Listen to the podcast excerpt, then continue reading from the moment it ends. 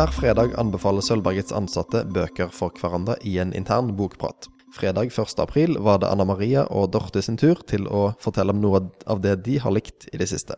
Her får du tips om eh, en filmtrilogi du bør se, du får de beste bøkene om midtlivskrise, og du får høre om eh, norske kvinnelige forfatteres bøker som ble utgitt i fjor.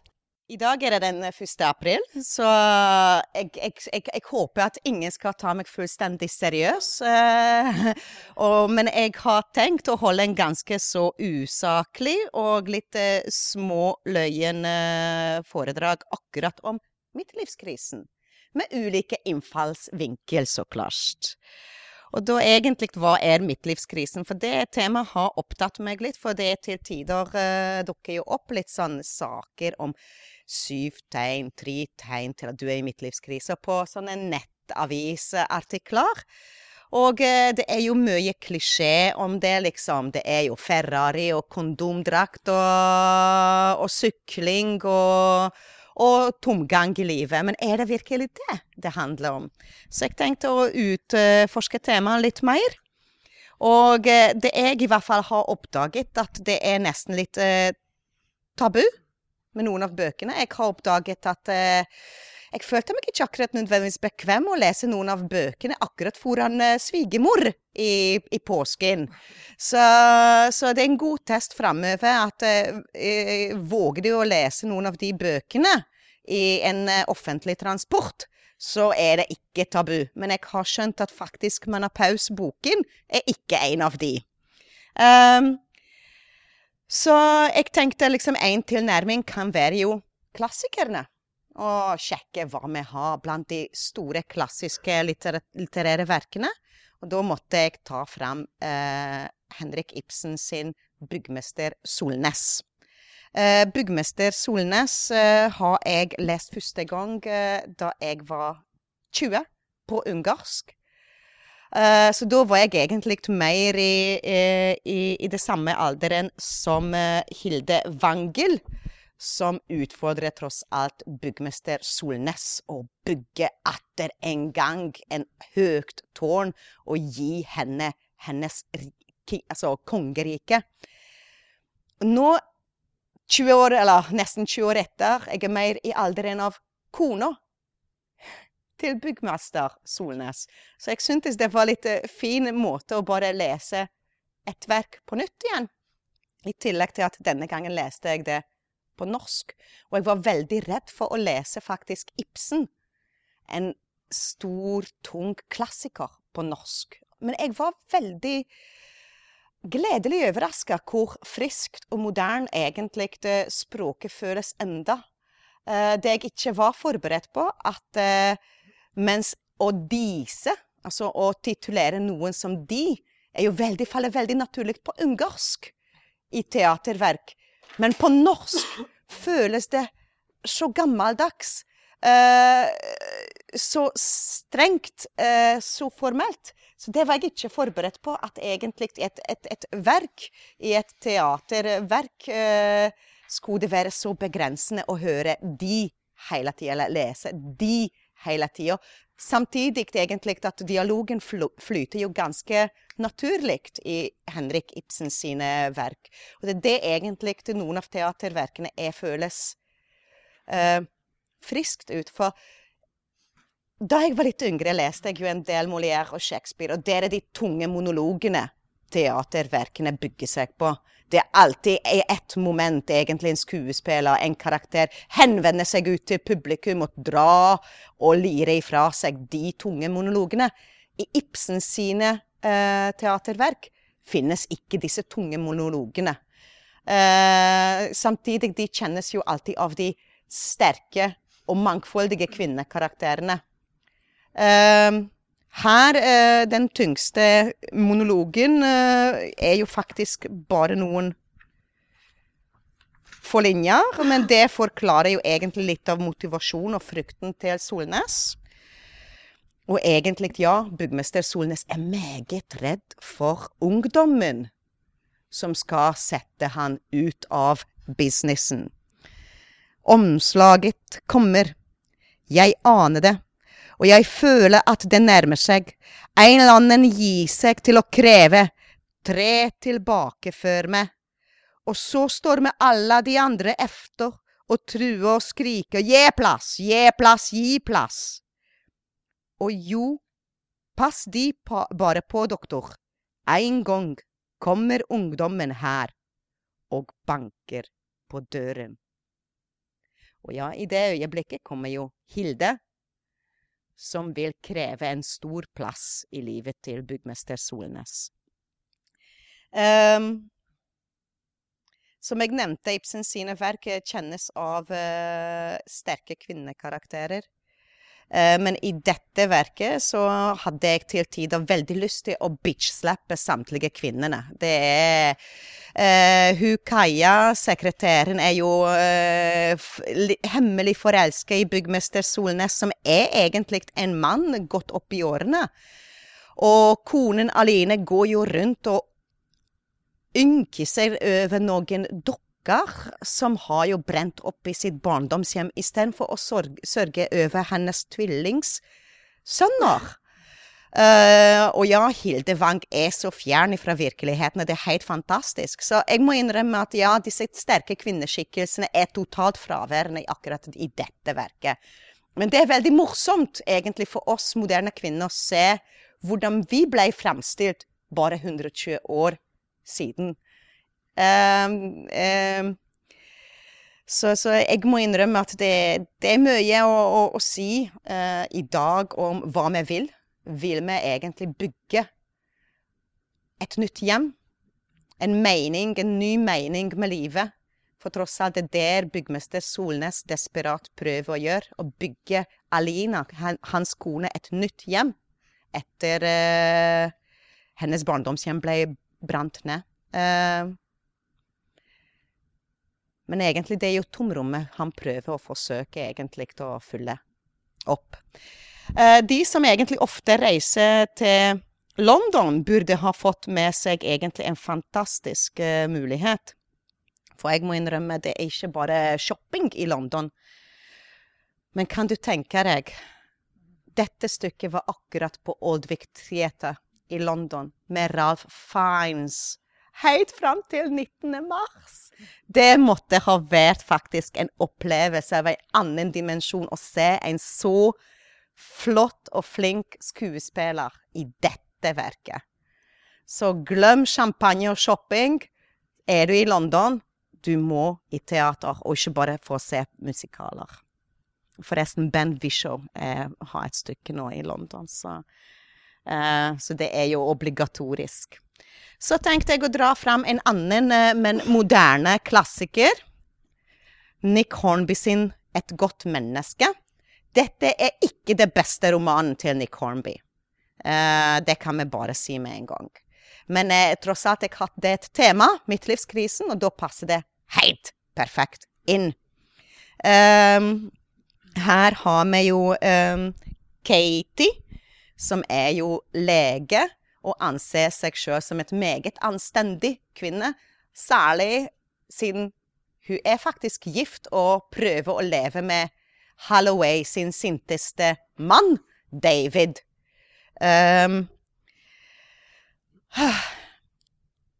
det vondeste med denne boka er egentlig at å begynne med, så smiler jeg hvor lett jeg kjenner meg sjøl igjen i Katie sine tanker. For etter hvert, når uh, selve historien utfolder seg, så viser det seg at kanskje er ikke Katie så anstendig som hun tror hun er. Og da begynner jeg å lure er jeg så anstendig som jeg tror jeg er. Uh, så jeg syns det er litt fascinerende egentlig når vi stiller spørsmålet. Og den engelske tittelen er ikke 'Et godt menneske', men 'How to be good'. Så det er jo egentlig det riktige innfallsvinkelen, og egentlig å lure på Er jeg et bra menneske?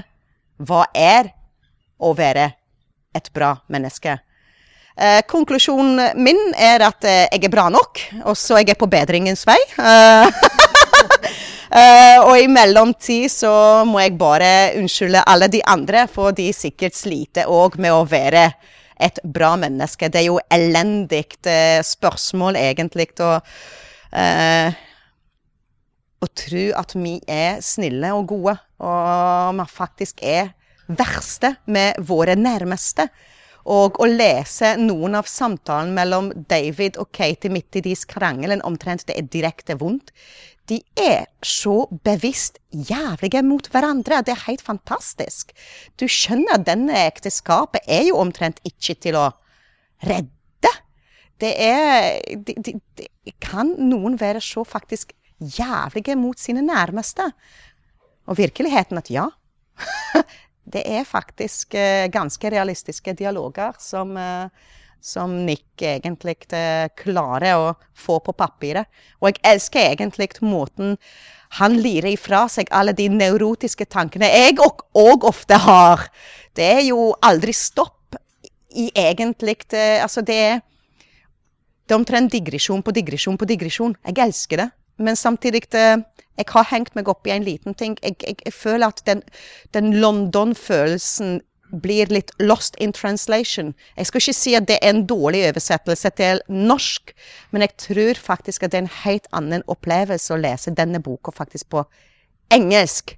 For du kjenner jo på språket at, og dialogen at å, oh, det er sikkert det han sa på engelsk. Det er sikkert det hun sa på engelsk. Å, oh, det er sikkert så mye bedre på engelsk. Så jeg må innrømme at har du muligheten, så les Nick Hornby faktisk på eget språk. Det er nesten litt vondt å si det, og det er ikke å, å, å, å si noe vondt om egentlig oversettelsen, men les den på engelsk. Uh, jeg, det er veldig underholdende for min del, som egentlig får anledning veldig sjelden til å lese bøker pga. jeg har så mye sakspapirer ellers.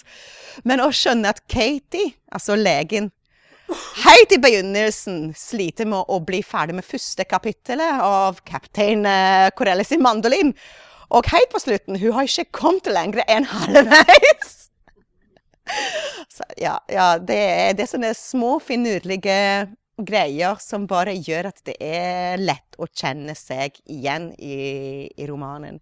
Og så syns jeg at egentlig det, det, er en fin og diffus avslutning på boken. Um,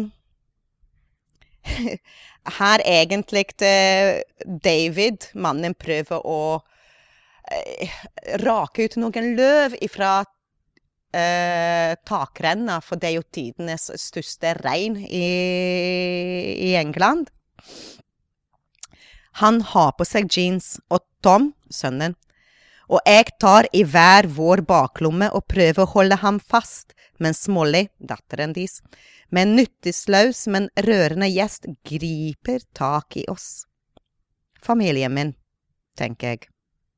Kun det. Og så dette kan jeg klare. Dette er et liv jeg kan leve. Jeg kan. Jeg kan. Det er en gnist jeg vil pleie. Litt knitrende liv i et flatt batteri. Men sjå, akkurat i feil øyeblikk får jeg et glimt av nattehimmelen bak David, og ser at det er tomt der ute helt tomt. Jeg syns det var en, eh, en, diffus, sterk avslutning, sånn at du ikke er helt sikker på egentlig om Katie blir i dette ekteskapet eller ei. Så jeg, jeg syns, hvis jeg kan anbefale, dette er en, en, fantastisk moderne klassiker. Ikke den beste av Nick Hornby, men egentlig en fin bok til vårt tema. Og så selvfølgelig må jeg jo utforske hva vi har av filmer. Har vi et tema, så må jeg grave opp filmene. Og da eh, Jeg må selvfølgelig ty til en trilogi jeg elsker. Det er jo Before-trilogien. Men av eh, alle disse tre som eh, Så tar jeg den aller siste. Det er Før midnatt, altså Before uh, Midnight. Uh, dette var Oscar-nominert. og en intellektuell, realistisk, likevel magisk kjærlighetshistorie som er vondt og magisk og oppløftende samtidig. Eh, mye av dialogene var faktisk skrevet basert på improvisasjon mellom Ethan Hawke og Julie Delphi. Eh, det er faktisk litt mer vågalt, siden faktisk i én scene Julie Delphi står med bare bryster. Det har hun ikke gjort i noen av de eh, filmene før. Uh, men her faktisk tror jeg meningen var òg å vise hvordan hun har òg eldes gjennom disse tre filmene. Og hvor egentlig bart det kan være at midt i en kranglescene, midt i en sexscene, du kan egentlig miste bare lysten. Du står med bare bryster. Du er meint til å ha en hett romanse med din mann, endelig, når du har barnefri. Men så blir det brått avbrutt med virkeligheten. Um, eh, samtidig så syns jeg allerede første, første scene, når eh, altså Ethan Hawks karakter må ta konsekvensene av denne kjærligheten han har valgt til uh, Celine. Den store kjærligheten hadde en pris, og det er faktisk sønnen. Så allerede i første scenen, når han prøver å ta avskjed med sønnen, som er nå 15, på, på flyplassen, den er vond. Det er en pris for alt. Ja, han har valgt den store kjærligheten, men den har en pris. Og det òg kan føre til at det blir en katalysator til atter en ny konflikt, og det er faktisk med Celine. Og ja, egentlig Celine er Ser gjerne den verste i enhver ting. Yes, this is how it ends. Midt i en samtale. Uh, og det er litt, litt, typisk jenter, kanskje, at egentlig det en småtteri kan plutselig vokse seg ut til en elefant. This is how it ends. Av at du prøver så sårt å beskytte det, det, kjærligheten du har hatt. Så jeg kan bare anbefale denne filmen, og hele trilogien, så klart. For det er en eh, smart, realistisk og veldig romantisk filmtrilogi. Uh, og så har vi egentlig uh, This Is 40. en smart komedie som dessverre hadde aldri norgespremiere. Det gikk rett på hyllene. Uh, det er litt dumt, uh, for Judd Apatow sine komedier ofte er løgne, også litt smarte. Uh, denne filmen er egentlig en spin-off. en slags spin-off fra Knocked Up. Paret er jo den midt, altså midt, de er de, deres midtlivskrise. Uh, her er alle klisjeene reindyrket. Her er eh, mannen som desperat prøver å få liv i sin musikkforretning, musikkbusiness. Eh, han prøver ennå desperat å være kul.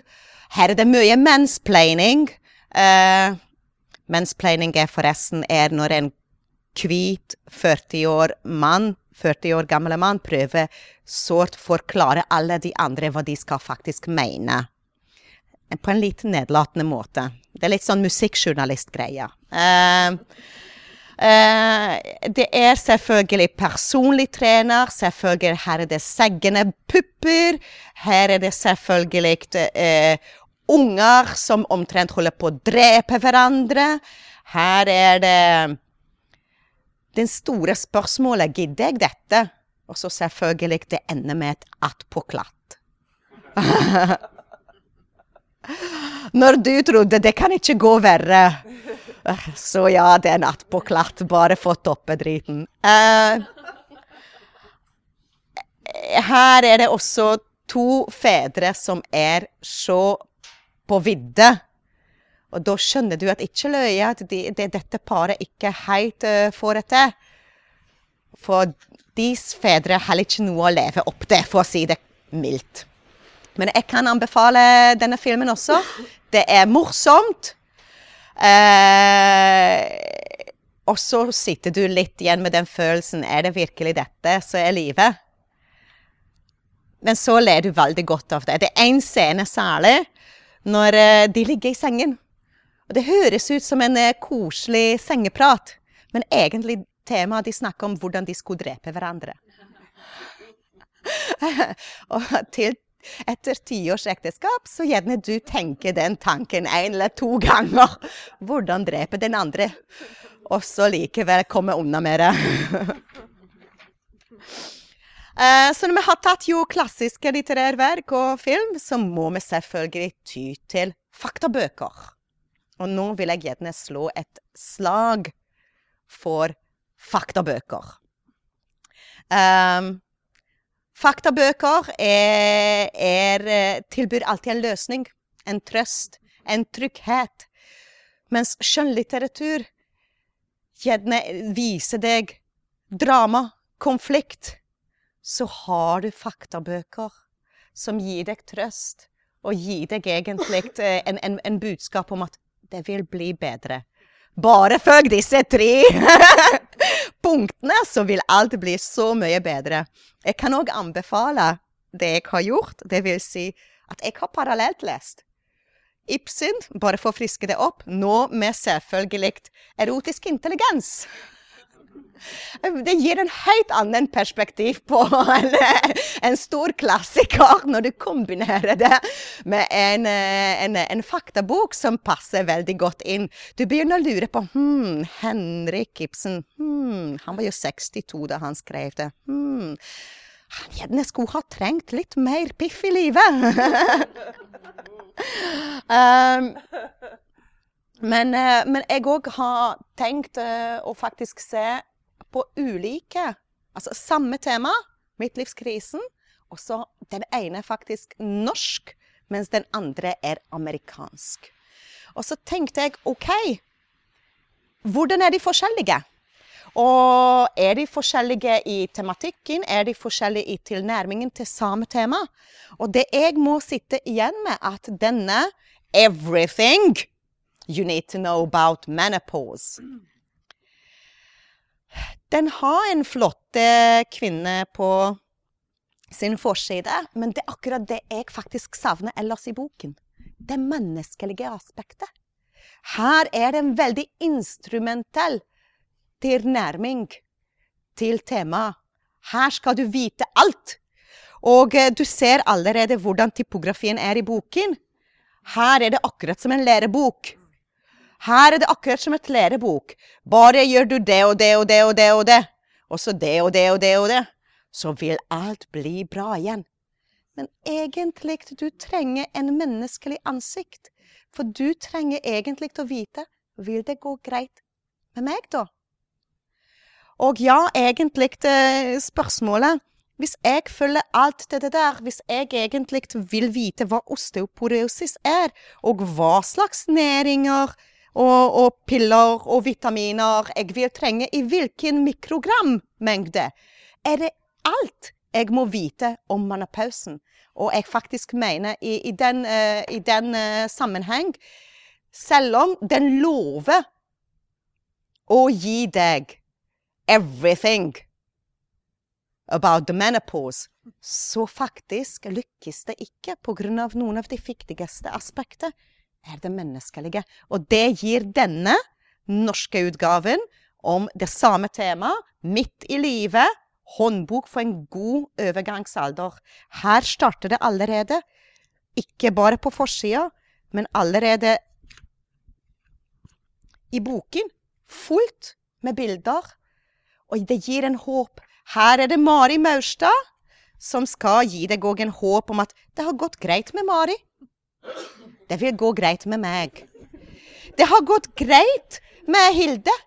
Og ja, hun driver med yoga, så gjett om jeg var solgt! Så her blir det menneskelige aspektet og framstilt i tillegg til vitaminene, i tillegg til osteoporosis, i tillegg til hva slags trening og hva som vil skje med deg. Men det gir òg egentlig en mening, og ikke bare i en lærebok sammenheng, men òg egentlig et menneskelig sammenheng.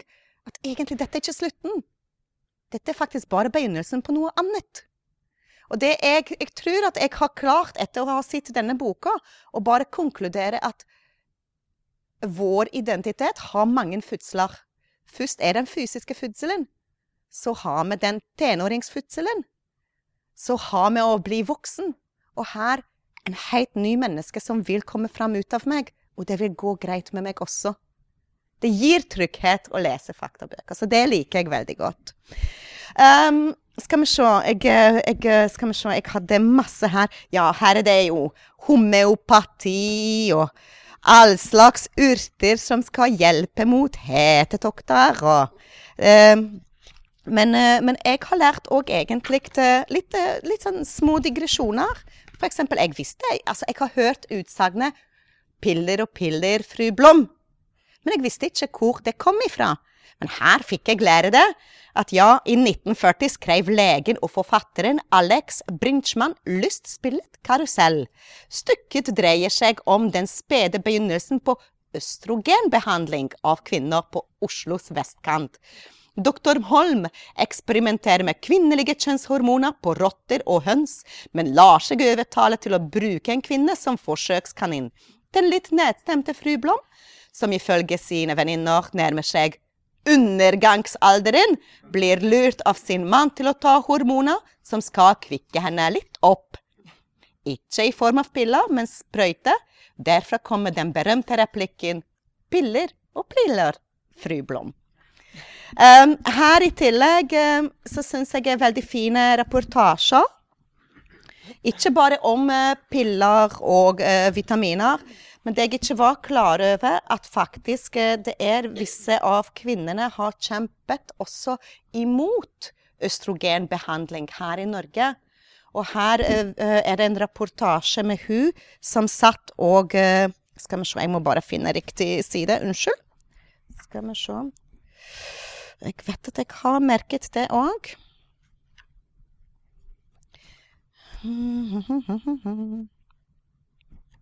Nei, ikke der.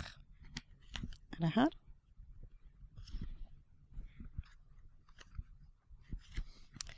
Hormonkrigeren. Det er Sissel Benke Osvold som egentlig, eh, å begynne med, har tatt sine østrogener. Og så i tidlig 2000-tallet har det vært oppmerksomhet rundt hvorvidt det faktisk kan framskynde ulike kreftformer. Så her er det ikke bare hurra og tjoahei for all slags hormoner. Her er det andre perspektiver òg å ta. Så jeg syns uh, denne boka var ikke bare løsninger, men litt uh, litteratur og litt uh, feministiske synspunkter. Jeg syns det er veldig herlig å, å, kunne sette ansikt til denne viktige delen av den kvinnelige livet. Skal vi se så må jeg jo selvfølgelig komme frem til den som gjerne har vekket mest interesse. Dette er jo Ester Perel sin bok 'Erotisk intelligens hold lysten levende'. Og Ester Perel har jeg egentlig kjent gjennom TEDX sine foredrag. Og jeg må innrømme jeg savner litt universitetstidene og de gode foredragene, men på TEDX sine kanaler finner man alltid veldig kjekke foredrag. 20 minutter på YouTube. Veldig oppfriskende. Alt fra teknologi til samliv. Og Ester Perel er egentlig en parterapeut. Og dermed faktisk da jeg har lest gjennom denne boka, jeg kan òg si med hjertet på hånd Tittelen er en markedsføringsgrep, sikkert fra forlaget. For hun er ikke sexterapeut. Hun er ikke sexolog. Her er det ikke fokus på hvem stapper i hva hvor. Men Men om mennesket. Om nærheten imellom oss. Om avstanden imellom oss. Om å se hverandre som individer og som par. Eh, hun er en parterapeut. Og det syns jeg skinner veldig godt og gjennom uh, hennes bok. Uh, det som er veldig dumt og minus litt med boka, og igjen skal jeg snakke om typografi, for det føles tungt til tider å lese det. når det gjelder faktabøker, så det faktisk skal være litt mer fokus på, syns jeg, både på typografi og bildebruk. Det, det, gir så mye mer lyst hvis du klarer å treffe den fine balansen mellom å formidle et faktabudskap med faktisk estetikk. Det høres uh, teit ut, men her egentlig det, det føles tungt til tider å lese en veldig god og faktabok. Um, den andre minusen er at selv om hun har en flerkulturell bakgrunn, uh, og hun har en sjarmerende fransk aksent når du hører henne på TEDx, det forsvinner litt pga. boka har litt for mye fokus på den amerikanske seksuelle kulturen. Uh, hun tross alt bor nå i New York, og det er der hun har sin praksis. Men jeg virkelig mener at uh, uh, forholdet til parforhold Altså, vi har en annen tilnærming her i Europa, og særlig i Nord-Europa, enn de har i USA. Og det skinner av og til gjennom boken at her er det litt for mye fokus på Amerika.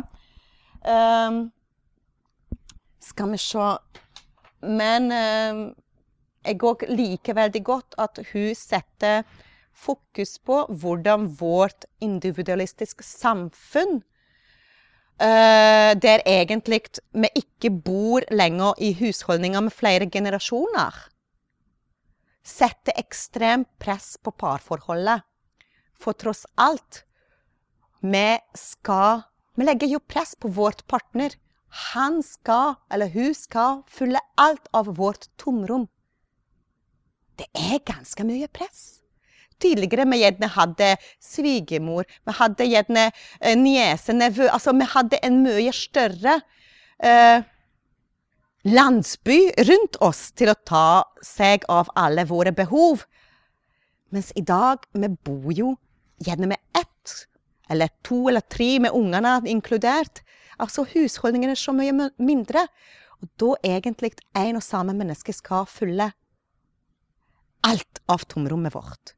Det skaper mye sosial angst, det skaper mye ensomhet. Og det faktisk Ester Perel her i sin bok klarer å treffe på en veldig fin måte. Og så snakker hun om både hvordan avstand kan skape den lysten. At av og til du skal ta, ja, gjerne to steg ifra din partner. Og da jeg, jeg syns at egentlig denne boka viser veldig godt at her er det litt for mye intimitet. Det er litt for lite som er eh, tillatt til fantasien. Så av og til må vi ha gjerne to steg tilbake igjen. For at den lille lysten skal vende tilbake igjen til et eh, ekteskap som har vart gjerne 20, 30, 40 år. Boken kan jeg anbefale egentlig til alle. Både de nysingle i 20-årene sine, som er en del av YOLO, altså You Live Only Once-generasjonen, for faktisk hun tematiserer dem også. Men også til eldre par eh, som har levd i sammen 20-30-40 år, og gjerne de har aldri klart å tematisere visse ting i sitt sexliv. Jeg syns uh, hun har veldig fine språk, men det føles av og til litt tungt ut, og det har litt typografien å ha skylden for. Um, da må jeg innrømme at selvfølgelig måtte jeg uh, se på statistikken. Og da har jeg gått selvfølgelig inn på Statistiske sentralbyrå sine tall og sjekket er midtlivskrisen sant, at du vil oppleve en samlivsbrudd. Og da har jeg en litt god nyhet. Det faktisk uh, skilsmisseraten går ned. Det er, det er faktisk uh, Det viser tallene. Men samtidig kan være litt uh, misvisende, for det er òg mindre ekteskap uh, finner plass. Altså det vil si at det er flere av oss som lever i samliv, i samboerskap. Så det er færre som gifter seg. Da så klart blir færre og som skiller seg. Men de som ja, eh, demografisk sett eh, oftere skiller seg For menn er det i alder 44 til 49 og 40 til 45. Så det er jo Det er, det er statistikken, så bare gå inn i Sentral eh, byrå sine tall. Det er det som er realiteten. Men nå er gjennomsnittsalderen for å gifte seg faktisk 34 år i Norge. Så jeg syns det liksom Men samtidig, det er, det er litt oppløftende at den myten kan jeg bare avkrefte. Det er ikke nødvendigvis at du skal skille deg. Um, og så egentlig det, har vi jo Har jeg funnet en uh, veldig fin uh, uh, måte å visualisere Jeg vet ikke, Kjenner dere til My Modern Net? Det er en på, De er på Instagram, Facebook, og jeg kan anbefale det for kunstformidling. Uh, det er en veldig lettvint måte med moderne kunst å følge med på det. My Modern Met. Og jeg syns det er veldig ofte flotte, rørende um, kunstverk som blir uh, formidlet i denne kanalen, både på Instagram og på Facebook, og på nettsida deres, uh, om det som skjer i samtidskunsten. Kjapt, gale, lett tilgjengelig, og det er ingen måte egentlig å, å, å, faktisk eh, tenne mer lyst til å like kunst enn faktisk eh, gjennom digitale medier. Og her var det en um, nydelig prosjekt av uh, As Time Goes By. Uh, her um, er en fotograf uh, ved navn Davat som har tatt bilde av par i tre etapper. Først i sen 80-tallet, tidlig 90-tallet og nå i 2000-tallet.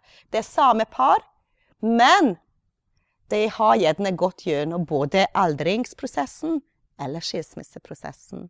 Så det blir så sterk budskap egentlig når du ser bare på en svart-hvitt fotografi hvem ble sammen, for noen av dem ble sammen, og her er det lesbiske og homofile par. Og heterofile par. Men ikke alle som overlever 30 år sammen. Og dette var en veldig fin visualisering, syns jeg, av tematikken. Uh, så My Modern Nat Met. Bare skriv opp med en gang. Um, og så til slutt uh, så tenkte jeg egentlig å lese opp eh, og avkrefte den siste myten. Må det være faktisk en, eh, en eh, krise? For jeg må innrømme at eh, det var veldig oppløftende å lese med en gang. Og det faktisk kan jeg bekrefte at statistikken òg viser at det er ikke nødvendigvis at du skiller deg. Men mange kvinner befinner seg jo faktisk i en svært hyggelig situasjon på dette tidspunktet i livet. Økonomien er bedre, selvtilliten og tryggheten i forhold til omverdenen er større, barnet deres kan ta vare på seg sjøl, og de har mer tid til å dyrke egne interesser eller satse på karriere. Så med denne hyggelige avslutningen kan jeg melde at midtlivskrisen for min del er avlyst, og jeg gleder meg til denne delen av mitt liv som kommer. Takk for meg. OK. Fra en eh, kvinne som snart er i midtlivskrisa, til en som er det? Nei. Jeg skal ikke snakke om midtlivskrisa, men eh, jeg har uh, tatt med meg fire bøker og to filmer. Bøkene har det til felles at de alle er skrevet av eh, norske kvinnelige forfattere, og bøkene kom ut i 2015. Så skal jeg begynne med den her først. Den heter 'Kims lek'. Den eh, er skrevet av eh, en Dagbladet-journalist, Sunn Heidi Sæbø. Eh, hun var her på Global eh, morgen for ikke så lenge siden. Ja. Um, og den handler da om eh, Nord-Korea og Sør-Korea. Uh, det som er litt uh, interessant med denne boka, for det er på en måte en uh, altså det er ikke en faktabok sånn sett, for den er altså tatt utgangspunkt i en reell hendelse som skjedde her i Norge. 1979. havner da si, Nor lille Norge, Sørkedalen i storpolitikken sant? i Sør-Korea, Nord-Korea. Um, det var en forsvinningssak. Det var plutselig en uh, sekk som ble funnet på en buss i Søkkedalen. Den ble levert inn til politiet på Grønland i Oslo, og så skjedde ikke så veldig mye mer. Uh, så gikk det en stund, og så plutselig så begynner uh, myndigheter i Nederland å ta kontakt. det viser at det er en sørkoreaner som har forsvunnet. Og han, han heter Ko Sang-moon. Han var da boende i Nederland, hvor han, han var uh, universitetslektor. Så han var uh, der og studerte. Og så skulle han på en Skandinavia-tur. Uh, og da bl.a. i Sverige. Og så stopper egentlig sporene etter han. Og så plutselig dukker han opp på nordkoreansk TV. og holder en velregissert tale som man kan jo mistenke er eh, skrevet et manus er skrevet til han. Så her er det liksom det store spørsmålet. ok, eh, Ble da han kidnappa? På den tida der så var det veldig vanlig eh, at daværende diktator Kim Il-sung han kidnappa, for de hadde et sånn selvbergingssystem i Nord-Korea som gjorde at de skulle på en måte klare seg helt selv. De ville ikke på en måte ta imot noe form for uh, opplæring, eller verken import eller eksport. Så det er klart at etter hvert så, så, så hadde de ikke nok uh, fagkunnskap sant, til å få til det de ville. Så da, OK, hva gjør man da? Da kidnapper man.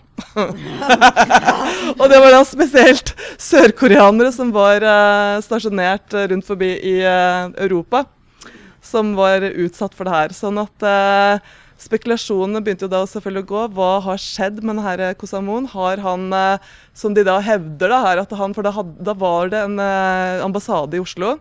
Eh, og de hevda at han hadde kommet dit. Eh, han hadde ikke pass, for det lå i den sekken som, eh, som, da ble funnet på bussen i Sørkedalen. Eh, men de påstår at han har kommet og meldt seg frivillig, og, vil, altså, og han ville flytte til Nord-Korea. Uh, og da blir uh, jeg, tatt ut fra Norge og inn i Nord-Korea. Men familien i Sør-Korea de skjønner jo ikke det her. Han var nygift. Han uh, hadde vel akkurat, eller kona om hun hadde født før han dro, det vet jeg ikke, men han hadde et lite barn i Sør-Korea. og altså, ut fra hans personlighet så kunne ikke de skjønne at det her stemte i det hele tatt. Det, det ble påstått at han hadde begynt med gambling, og han hadde begynt å drikke ganske heftig i Nederland. Uh, de fikk ikke det her til å stemme. Men det som er spennende med denne boka, her, synes jeg er at uh, altså alle har jo et eller annet sånn altså Nord-Korea er litt sånn mystisk uh, samfunn sant, som vi på en måte vet lite om, egentlig. Det er jo mye propaganda.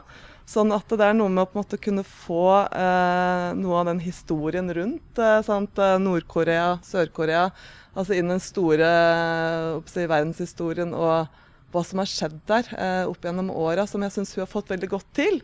Altså Hun er faktisk eh, fra Sør-Korea selv.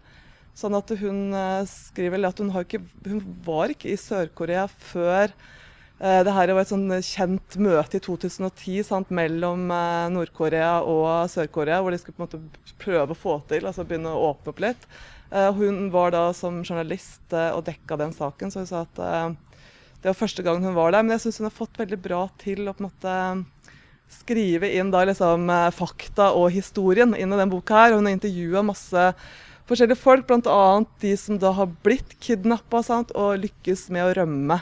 Uh, og det kom jo fram ganske forferdelige historier. Men altså, det er helt hårreisende. Og det er konsentrasjonsleirer, og de sulter, og det er uh, veldig dårlig kår.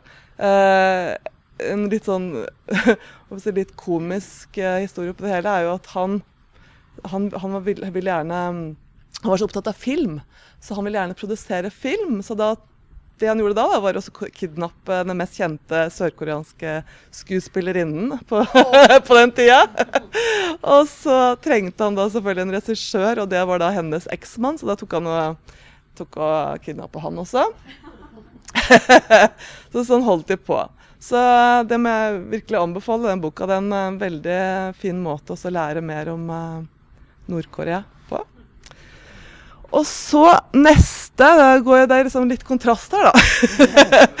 da hopper jeg over til uh, altså, Janne Drangsholt. Hun er jo her fra byen. Hun, den heter da Ingrid Winters 'Makeløse mismot'. En litt sånn, kanskje litt merkelig tittel, men uh, boka er absolutt veldig veldig uh, anbefalesverdig. Det er litt sånn humoristisk. Jeg hadde ikke lest noe av henne før, men jeg hørte henne så vidt på kapittel nå i, i uh, fjor, blir det da. Uh, og tenkte at oi, den boka fikk jeg lyst til å lese. For den er, altså som Janne selv, så handler det om Ingrid Winther, da, som er førsteamanuensis på Universitetet i Stavanger, og det er jo Janne selv. Nå skal ikke jeg påstå at det her er en selvbiografi, men det kan jo selvfølgelig hende at uh, den er uh, lett basert på hennes eget liv. Men denne Ingrid da, hun er gift med en advokat, har uh, tre døtre, er det vel.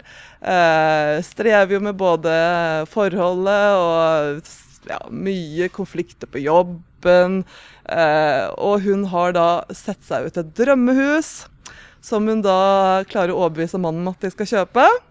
Og hun får også ansvar for å ta seg budrunden, og det skulle, Han skulle kanskje ikke latt henne få den, for at uh, hun lar seg rive med. og plutselig så har hun bytt én million mer enn maksgrensen. Og når mannen får høre det, så blir han jo ganske søt. Og når de da i tillegg ikke klarer å selge det huset de bor i, så kan du tenke deg, da begynner jo hun å få ganske hetta, rett og slett. Og samtidig så blir hun da Gjennom jobben så er det en delegasjon som skal til eh, St. Petersburg, er det vel. Eh, skal, de skal få til et samarbeid da, eh, på tvers av eh, universitetene i Stavanger og der. Og der også skjer det utrolig mye rart, og det, er, eh, det blir så utrolig sånn paranoia. så, så den, eh, den, er veldig veldig morsom, syns jeg. Sånn hverdagskomikk. Og hun, eh, hun, altså den norske skuespilleren Henriette Stensrup hun har rett og slett kjøpt filmrettighetene til denne boka. Så hun ønsker å spille hovedrollen sjøl. Det, det kan bli ganske morsomt hvis det blir noe av. da. Så den anbefales på det sterkeste. Og så har vi Helga Flatland. Hun er jo også norsk kvinnelig forfatter. Hun har jo gitt ut en sånn uh, trilogi, er det vel, som uh, Jeg vet ikke om alle bøkene er fra Afghanistan, men for den jeg leser, så er det på en måte Eller en, en av hovedpersonene der har vært i krigen. som jeg syns var en veldig, veldig bra bok. Sånn at jeg ble sånn, nysgjerrig på henne. Da jeg så den boka her, tenkte jeg ja, den må jeg prøve. Og den heter 'Vingebelastning'. Kom ut i 2015, den også. Og den handler egentlig om liksom de altså, unge voksne i dag. Eh, altså de eh, rundt ja, ja 20-30-åra, da. Si det. Eh, hovedpersonen i den boka han heter Andreas. Han er 30 år. Og han lever et vellykket liv eh, i Oslo. Han eh, har jobb i et kommunikasjonsbyrå, er det vel.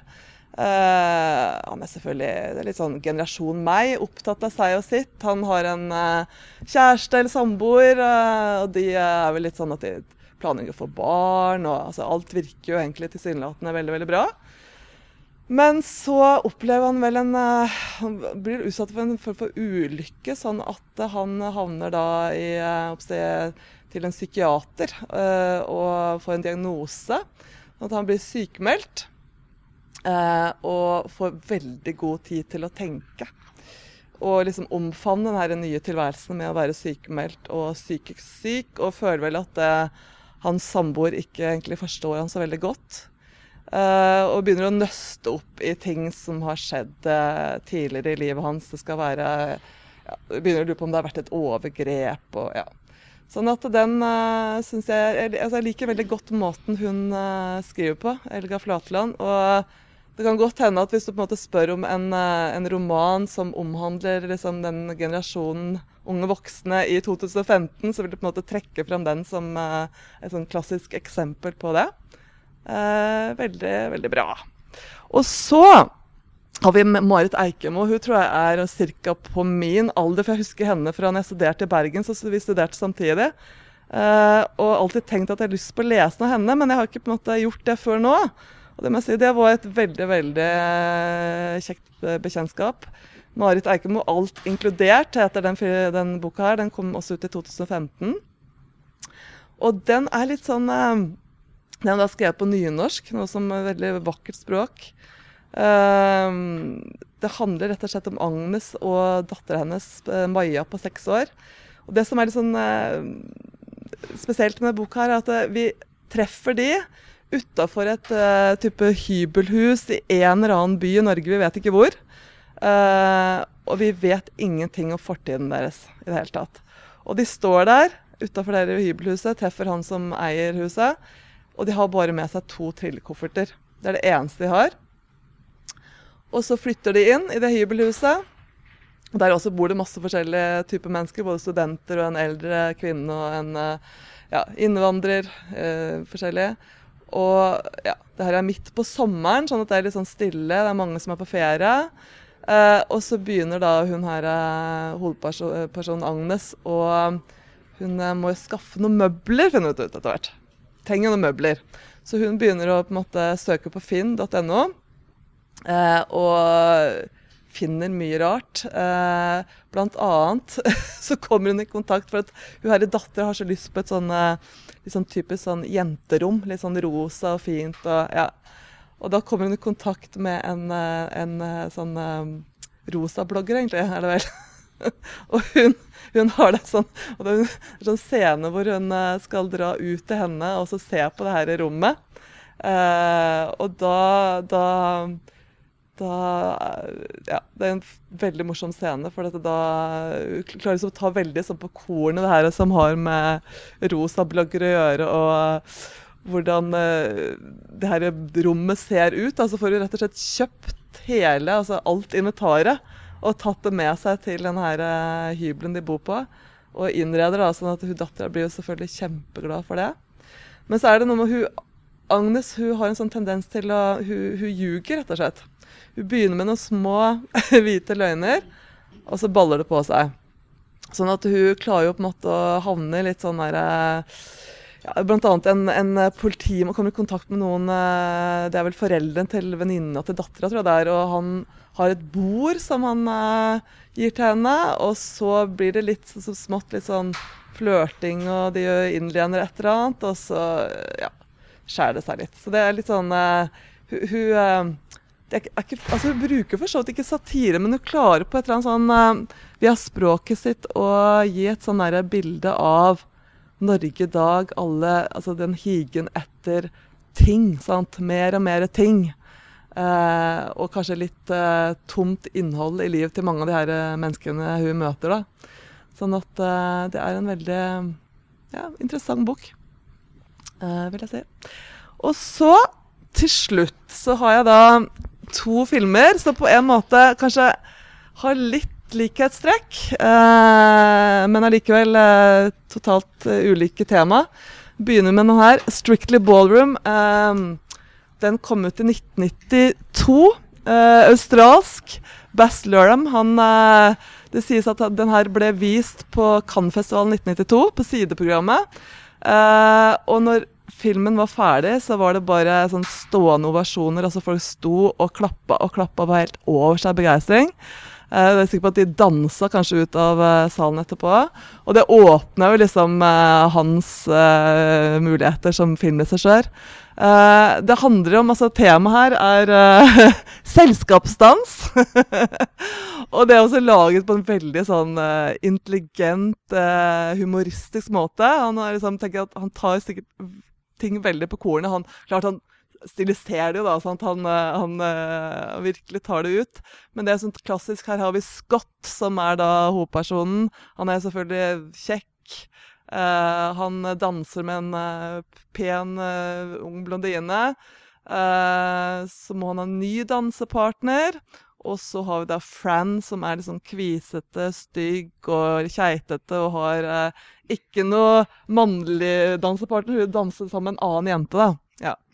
Og så begynner de å danse, for det er så stort mesterskap. Sant? For hele clouet her er at han har begynt å ta noen sånn trinn som ikke er lovlige. For det er ganske sånn strenge regler innenfor denne selskapsdansen. Sant? Og så viser det også at faren hans har jo da Det her liksom ligger litt under at faren hans har også gjort det samme, og det her er virkelig sånn synd i det miljøet. Sånn at uh, han begynner da å danse med hun Fran, litt sånn i hemmelighet. Uh, og så viser at hun kommer jo da fra et litt sånn uh, spansk miljø. Sånn at faren kan jo flamenco. Så det har noen sånne fantastiske scener vet du, hvor han får lære flamenco-dans og Oh, og hun blir jo selvfølgelig bare penere og penere for hver gang. Og hver gang hun danser og vil få mer og mer sminke? Hun, Til slutt så er hun bare blitt den vakre dama sant? og de flotte klærne. Og så er det bare sånn der, et fyrverkeri av en scene helt til slutt. Men, altså jeg må si han eh, Bass Lorham han har jo også annet laget Moulin Rouge og uh, Romeo og Julie. Og den siste tror jeg det er en Great Gatsby med Leonardo DiCaprio. Og han er, altså, han er helt uh, fantastisk med virkemidler. Med altså, farger og uh, ja.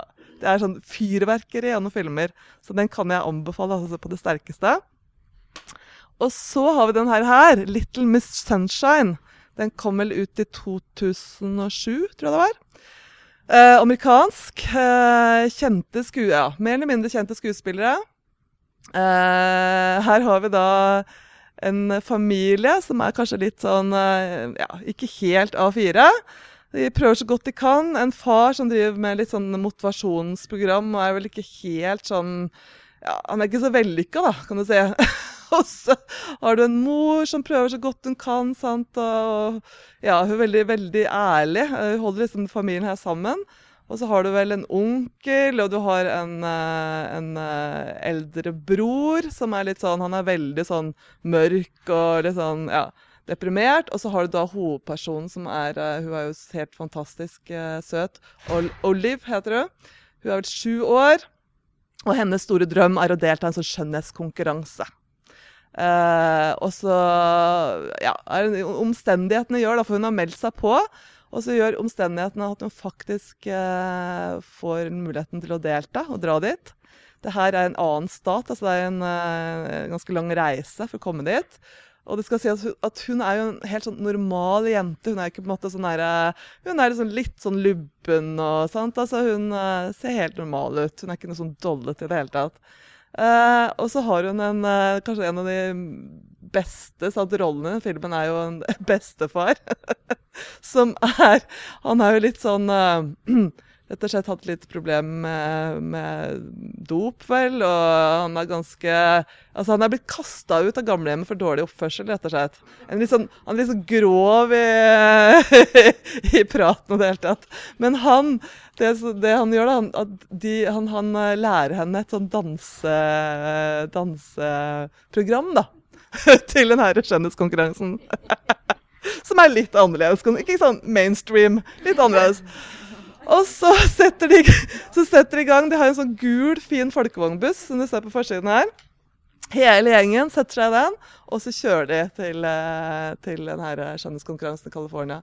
Og det tar litt tid, da, så det skjer mye rart på veien òg. Så dette, det er jo bare det er jo morsomt å se. Og så kommer de da endelig til denne skjønnhetskonkurransen. Og gir, altså, Den filmen gir et utrolig sånn, bra skildring av de her typene som deltar på sånne konkurranser. Ikke minst mo, altså, mødre. Skam, altså! Skrekk og gru. Og de er jo bare så utrolig sminka og styla, og liksom, det er ikke måte på. Liksom, Sammenlignes med sånne pudler, sant. Og så kommer det da til konkurransen, sant? og hun her eh, nydelige Olive hun, Jeg husker at hun hadde på seg noen sånne liksom cowboy, glitrende cowboystøvletter. altså, Hun ser veldig annerledes ut enn de her andre, sant? for de er veldig sånn rosa og ja, sminka og sånn. Og så selvfølgelig, da så Det ble jo happy ending. Hun vinner jo den konkurransen. sant, og ja, hun tar det med storm. Men det med det showet som hun har lært av bestefaren sin men det er en bare helt fantastisk film. altså Veldig sånn svart humor, altså satirisk eh, film. Så det vil jeg anbefale. Takk.